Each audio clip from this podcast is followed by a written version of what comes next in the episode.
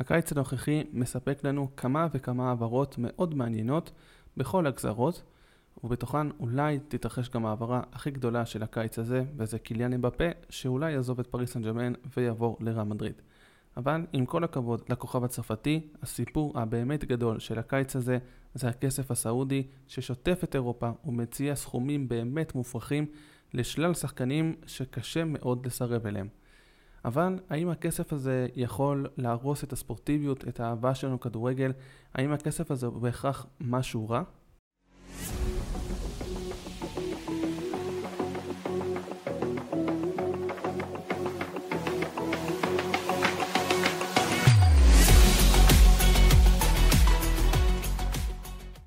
אז שלום לכולם, כאן נקנסון ברנבאום, ואנחנו עם פודקאסט דיבורי טכנו ספורט, והפעם דלאפ.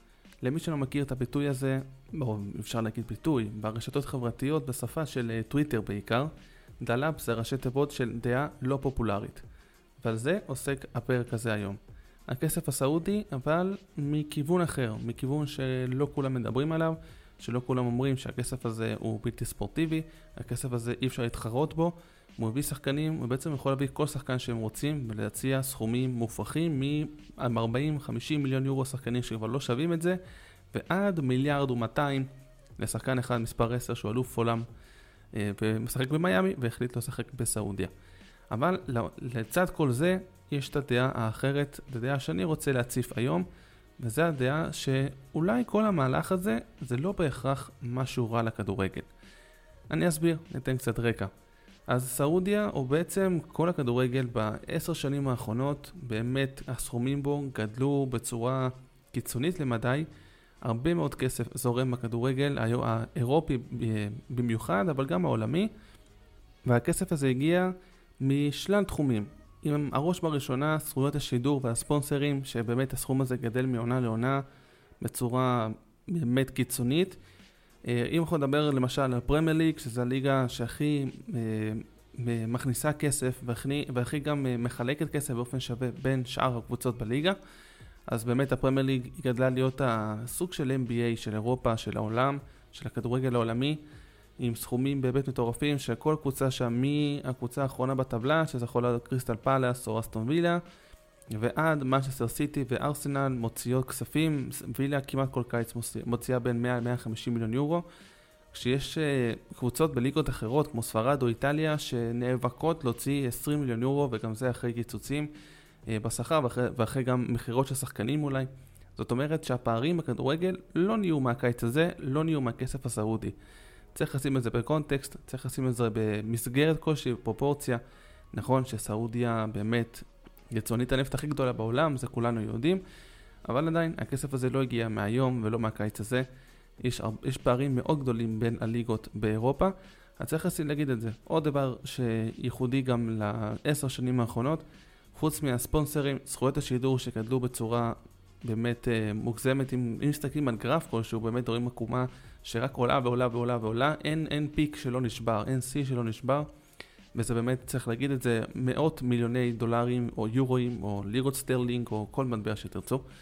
מאות מיליונים, אם לא מיליארדים, עולה אה, זכויות שידור, תלוי איזה ערוץ, תלוי לאיזה ליגה, והכל גדל בצורה מטורפת. אז שוב, הטענה שמהקיץ סעודיה מציעה המון כסף, לקבוצות אין, אין איך להתחרות בזה, לא בהכרח נכון, לסיטי יש מלא כסף, גם בגלל האמירתים, אבל גם בגלל שהיא משתמשת בו. ארסנל שמוציאה העונה כמעט 300 מיליון יורו, מנצ'סטר יונייטד שתוציא גם. זאת אומרת שהקבוצות כן יכולות להוציא, וצריך להגיד את זה.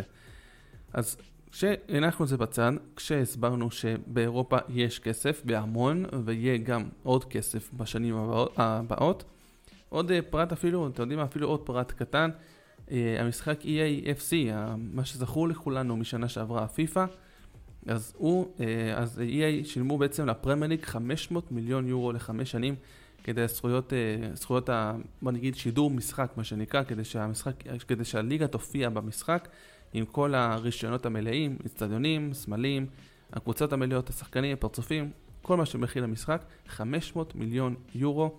EA גם הפכה להיות הספונסר הראשי של הליגה. כל הליגה שינתה את השם שלה בעקבות EA. זה בהחלט משהו מטורף, וצריך להגיד, שוב, אפילו הגיימינג נכנס לתמונה, והכסף גדל כאמור מעונה לעונה. שמנו את זה בצד, אפשר לדבר גם על סעודיה. לסעודיה זה נכון, שוב יש שם הרבה מאוד כסף, אבל יש גם את הסיבות שלה למה היא עושה את זה, במיוחד השנה. זה התחיל עם ניצ... סוג של ניצנים כזה מעונה שעברה, עם, רונ... עם העברה של קריסטיאנו רונלדו. זה נכון, צריך להגיד, רונלדו, כמה שזה מוזר להגיד, לפחות בשבילי, שבאמת גדלתי על, ה... על הדור של רונלדו ומסי, כמה שזה מוזר להגיד, רונלדו לקראת פרישה כבר, הוא בן 39, אוטוטו 40, כבר סוף הקריירה של אה, קריסטיאנו רונלדו, והוא הולך לכסף הגדול, הוא הולך לתת עוד חותמת בקריירה שלו, לא רק, אה, אם אתם רוצים, אחד הווינים הכי גדולים בהיסטוריה, או גולר, פשוט מופלא. הוא גם עכשיו משתכר הכי גבוה בהיסטוריה של הכדורגל, 200 מיליון יורו בעונה. אבל כבר ראינו שרונלדו, למרות כל הדברים האלו, ואנחנו כולנו מכירים את האופי שלו, הוא כבר הספיק להסתבך עם הסעודים, הוא כן נשאר, אפילו ציטוט שלו מהימים האחרונים, שהוא אומר שהליגה בסעודיה הופכת להיות אה, יותר ויותר טובה, וזו עובדה גם שהשחקנים יותר ויותר מגיעים אליה. בסוגריים צריך להגיד, מגיעים אליה בגלל הכסף, לא בגלל שמישהו באמת רוצה לשחק בסעודיה ולא באינטר או רם מדריד או ברצלונה או כל, או, או כל אה, קבוצה אחרת אה, בליגה בכירה באירופה. אז צריך לשים את זה גם בסוגריים, אבל כמובן רונלדו צריך להגיד את זה כי חלק מהמחויבות שלו מה שנקרא. אבל אז ניצנים כאלו ראינו גם בעונה שעברה, והעונה אנחנו רואים באמת שכבר לא ניצנים, זה כבר תקיפה רבתי של סעודיה על כל הכדורגל האירופי והעולמי.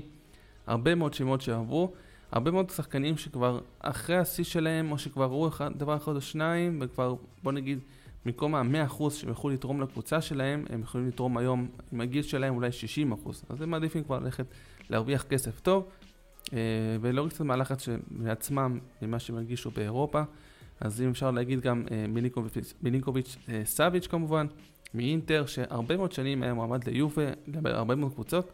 ודרשו עליו לא פחות מ-100 מיליון יורו, וזהו, היום הוא בסעודיה, ונאציו יקבל את עבורו 40 מיליון יורו, הולך להרוויח כמה עשרות מיליונים, משהו שהולך להרוויח בשום קבוצה שעובר עליה באירופה. זה דוגמה קטנה. עוד הרבה מאוד דוגמאות, קוליבלי גם, שהיה בלם מצטיין בנפולי, עבר לצ'לסי ביחד עם כל הקבוצה, פשוט קרס, והוא עבר לסעודיה, גם בנדיה, השוער של צ'לסי, מי שזוכר, בנדיה אחד השוערים הכי טובים בעולם, כשהוא היה בכושר שיא. הגיעה הפציעה שלו, קפה תפס את המקום שלו, שזה בכלל סיפור ביזארי, אבל זה לפרק אחר. והיום מנדי כבר בסעודיה, יחד עם קוליבלי, יחד עם סאביץ' כאמור, ועוד הרבה מאוד שמועות ודיווחים. אבל בתוך כל הדבר הזה יש גם כמה שחקנים שהם או לפני השיא שלהם, או בשיא הקריירה, והם החליטו לעבור לסעודיה. הבולט ביניהם זה רובן נבס מוולפס, בן 26, שנכון, הוא, רוצה, הוא אמר שהוא רוצה לשחק בליגת האלופות, שהוא רוצה לעבור לקבוצה גדולה, והאמת, יש פה כישרון, יש פה פוטנציאל, הוא לא, הוא לא שחקן רע בכלל, ואיכשהו מכל הקונסטלציה הזאת, הוא היה מעמד גם לברצלונה, כמובן השחקן שלו זה מנדש, הוא ניסה לארגן לו איזה קבוצה שמשחקת באירופה, זה לא עבד, ונבס מוצא את עצמו בסעודיה, אומנם ישחק בליגת אלופות כנראה, אבל יודעים, באסיה ולא באירופה, אותו שם, אבל uh, קצת שונה הפורמט.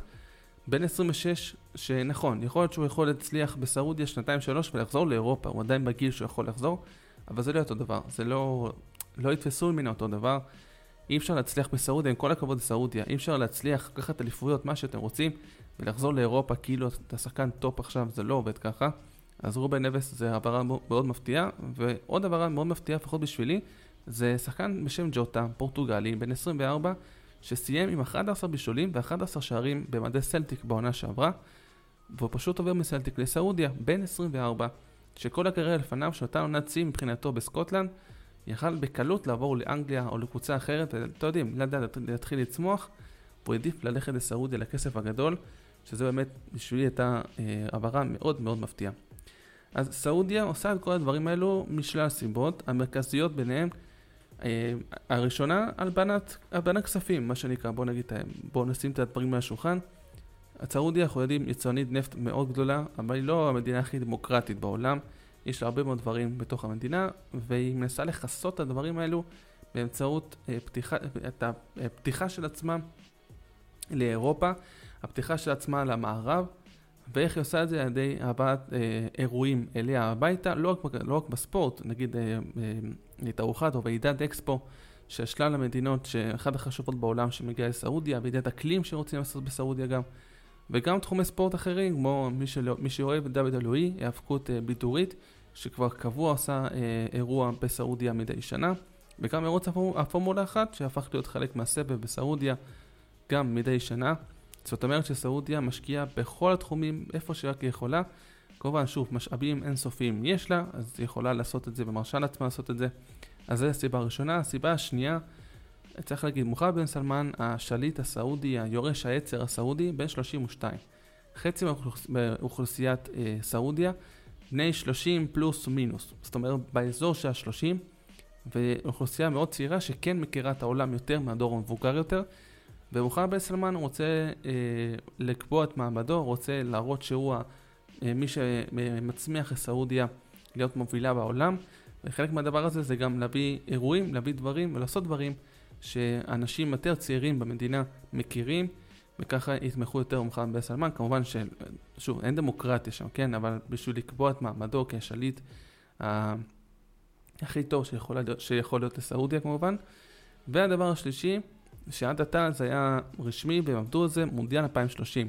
סעודיה ראתה איך ההצלחה של קטאר הייתה בשמיים, המונדיאל אחד הכי טובים, גם מבחינה מקצועית, כדורגל כמובן, וסעודיה אמרה, גם אנחנו רוצים, ביחד עם יוון ומצרים הגישו מעמדות לאירוח המונדיאל 2030. היו המון שמועות שסעודיה תקבל את מבוקשה בגלל הכסף שלה, כמו שקטאר עשתה. ושוב, אמרנו, לסעודיה יש המון כסף, וזה יכול בהחלט לעבוד, אבל בחודשיים האחרונים יצאו דיווחים כמעט רשמיים, אם אפילו לא רשמי, שסעודיה מוותרת על אירוח של המונדיאל 2030. כנראה היא רואה את עצמה מגיעה ל-2034, בעיקר בגלל, לדעתי גם בגלל שיוון ומצרים לא מוכנות יותר מאשר סעודיה, כי סעודיה עם כל הכבוד כסף יש לה, אבל יוון ומצרים פחות יש להם כסף, אה, במיוחד ב- ביחס לסעודיה. אז uh, סעודיה, כנראה העיניים שלה ל-2034, ולא ל-2030 למונדיאל שהיא רצתה לארח בהתחלה. אז זה חלק מהסיבות שסעודיה עושה את זה.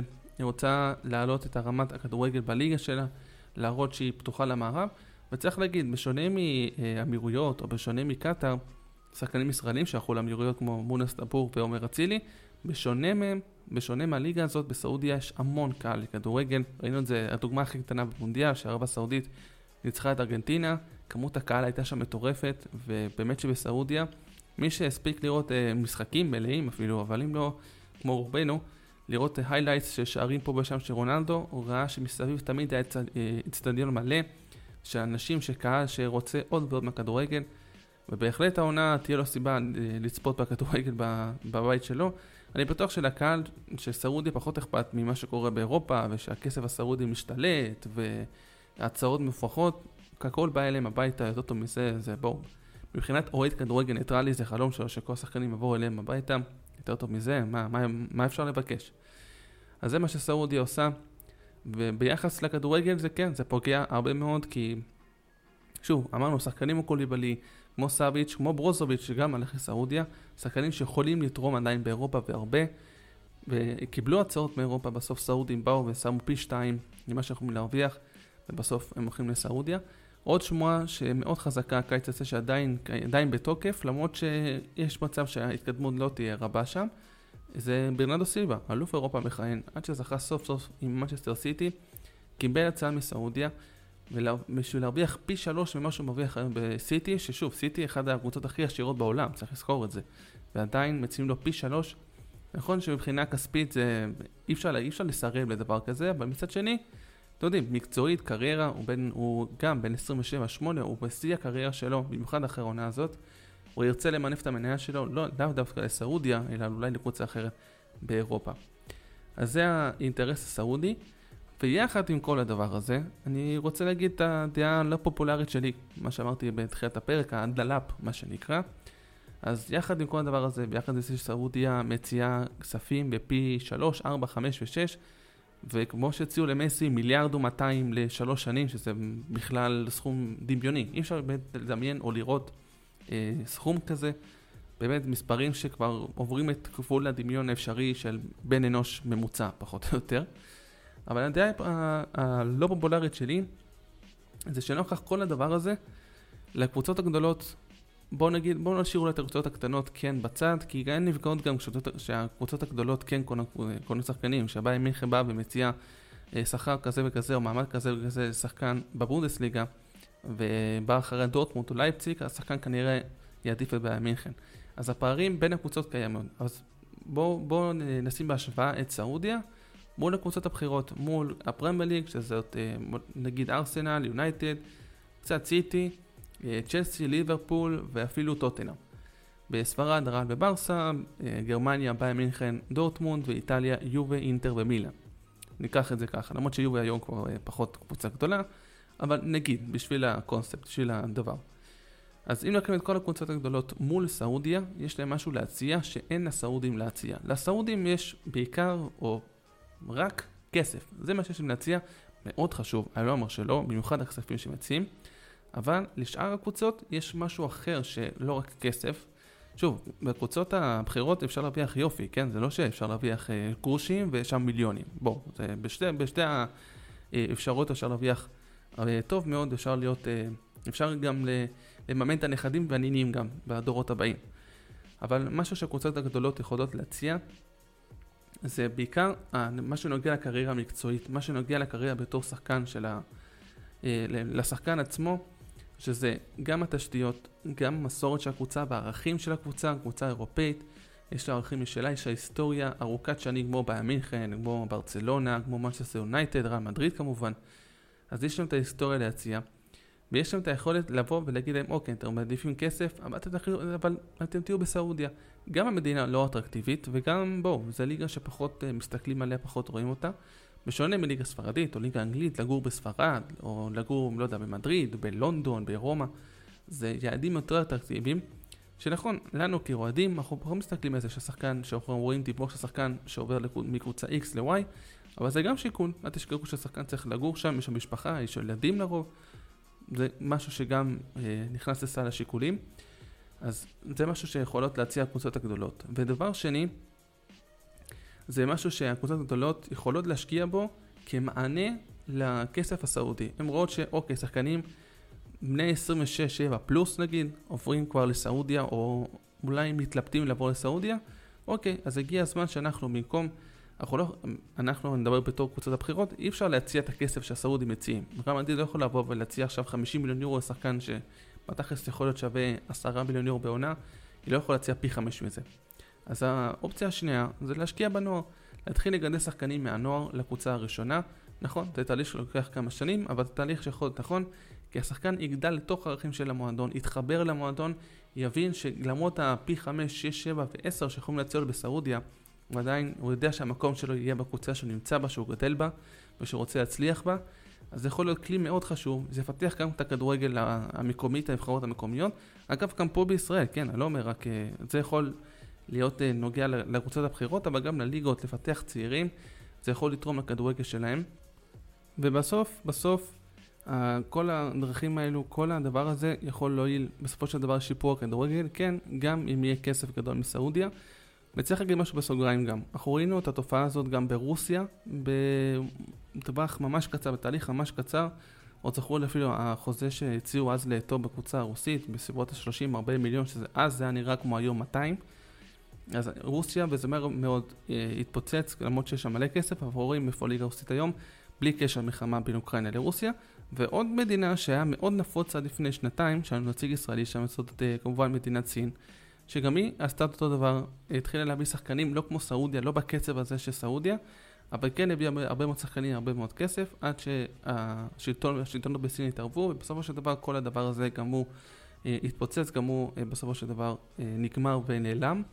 אז יכול להיות שזה יקרה גם עם סעודיה, נכון, מה שקורה פה הקיץ הוא באמת משהו מאוד מאוד תקדימי, שלא קרה, לפחות ב, אפילו, אפילו ב-20 שנה האחרונות, אבל בטוח וכמו שאמרתי, הדעה הפופולרית שלי, יש פה גם יתרונות, גם של תשתיות, כמו שאמרנו, גם של uh, טיפוח צעירים בעיקר, של ייעול למועדון, ולהראות שהמועדונים הגדולים, או הליגות הבכירות, בסופו של דבר יש את המסורת, יש את ההיסטוריה שלהם, יש להם את הערכים שלאורך כל השנים הרבות, בין עשרות, אה, אפילו יותר ממאה שנה, לחלק מהמועדונים. והדבר הזה לא נעלם בן רגע, הדבר הזה לא ייעלם בגלל ששחקן הולך לסעודיה ושישחק עם שכר של פי 20 יותר מהקבוצה שלו. הדבר הזה נשאר, ומה שהסעודים אה, לא מבינים שאי אפשר לזרוק כסף לתוך הבריכה ושהכול יצמח וכסף אה, לאדמה, לא לבריכה, כסף לאדמה ופתאום יהיה צמחים של, אה, ועצים של כסף, זה לא קורה ככה בכדורגל, אנחנו רואים את זה להרבה מאוד קבוצות, והדוגמה הכי בולטת, הבולטת היא פריס סן ג'רמן כמובן, שהיא זורקת כסף כל עונה וכל עונה נכשלת מחדש, ועוד מופתעת שהיא נכשלת מחדש. אז אתם יודעים, הכסף הוא לא השליט הבלתי, הבלתי מעורר, אפשר לנצח אותו, הכסף זה לא הכל בכדורגל, נותן הרבה, אבל זה לא, כל, זה לא הכלי היחיד שניתן לנצח בו. אז עם כל היתרונות במחאות שאפשר להגיד על הדברים האלו, אז, אה, אז היתרונות שאולי יש מהכסף הסעודי, שהקבוצות הגדולות יכולות ללמוד לקראת השנים הבאות, כדי שבסופו של דבר הקבוצות האלו יוכלו לנצח את האמירתים, את הקטרים והסעודים על הדשא הירוק בכדורגל דרך הספורטיביות ולאו דווקא בכסף הגדול שסעודיה וחברותיה מציעות. אז עד כאן הפרק הזה, הדעה הלא פופולרית, אה, פרק אה, קצר, כזה 20 דקות שבאמת לחוות אולי דעה אחרת של 98% מהאנשים כנראה לא חושבים אותה.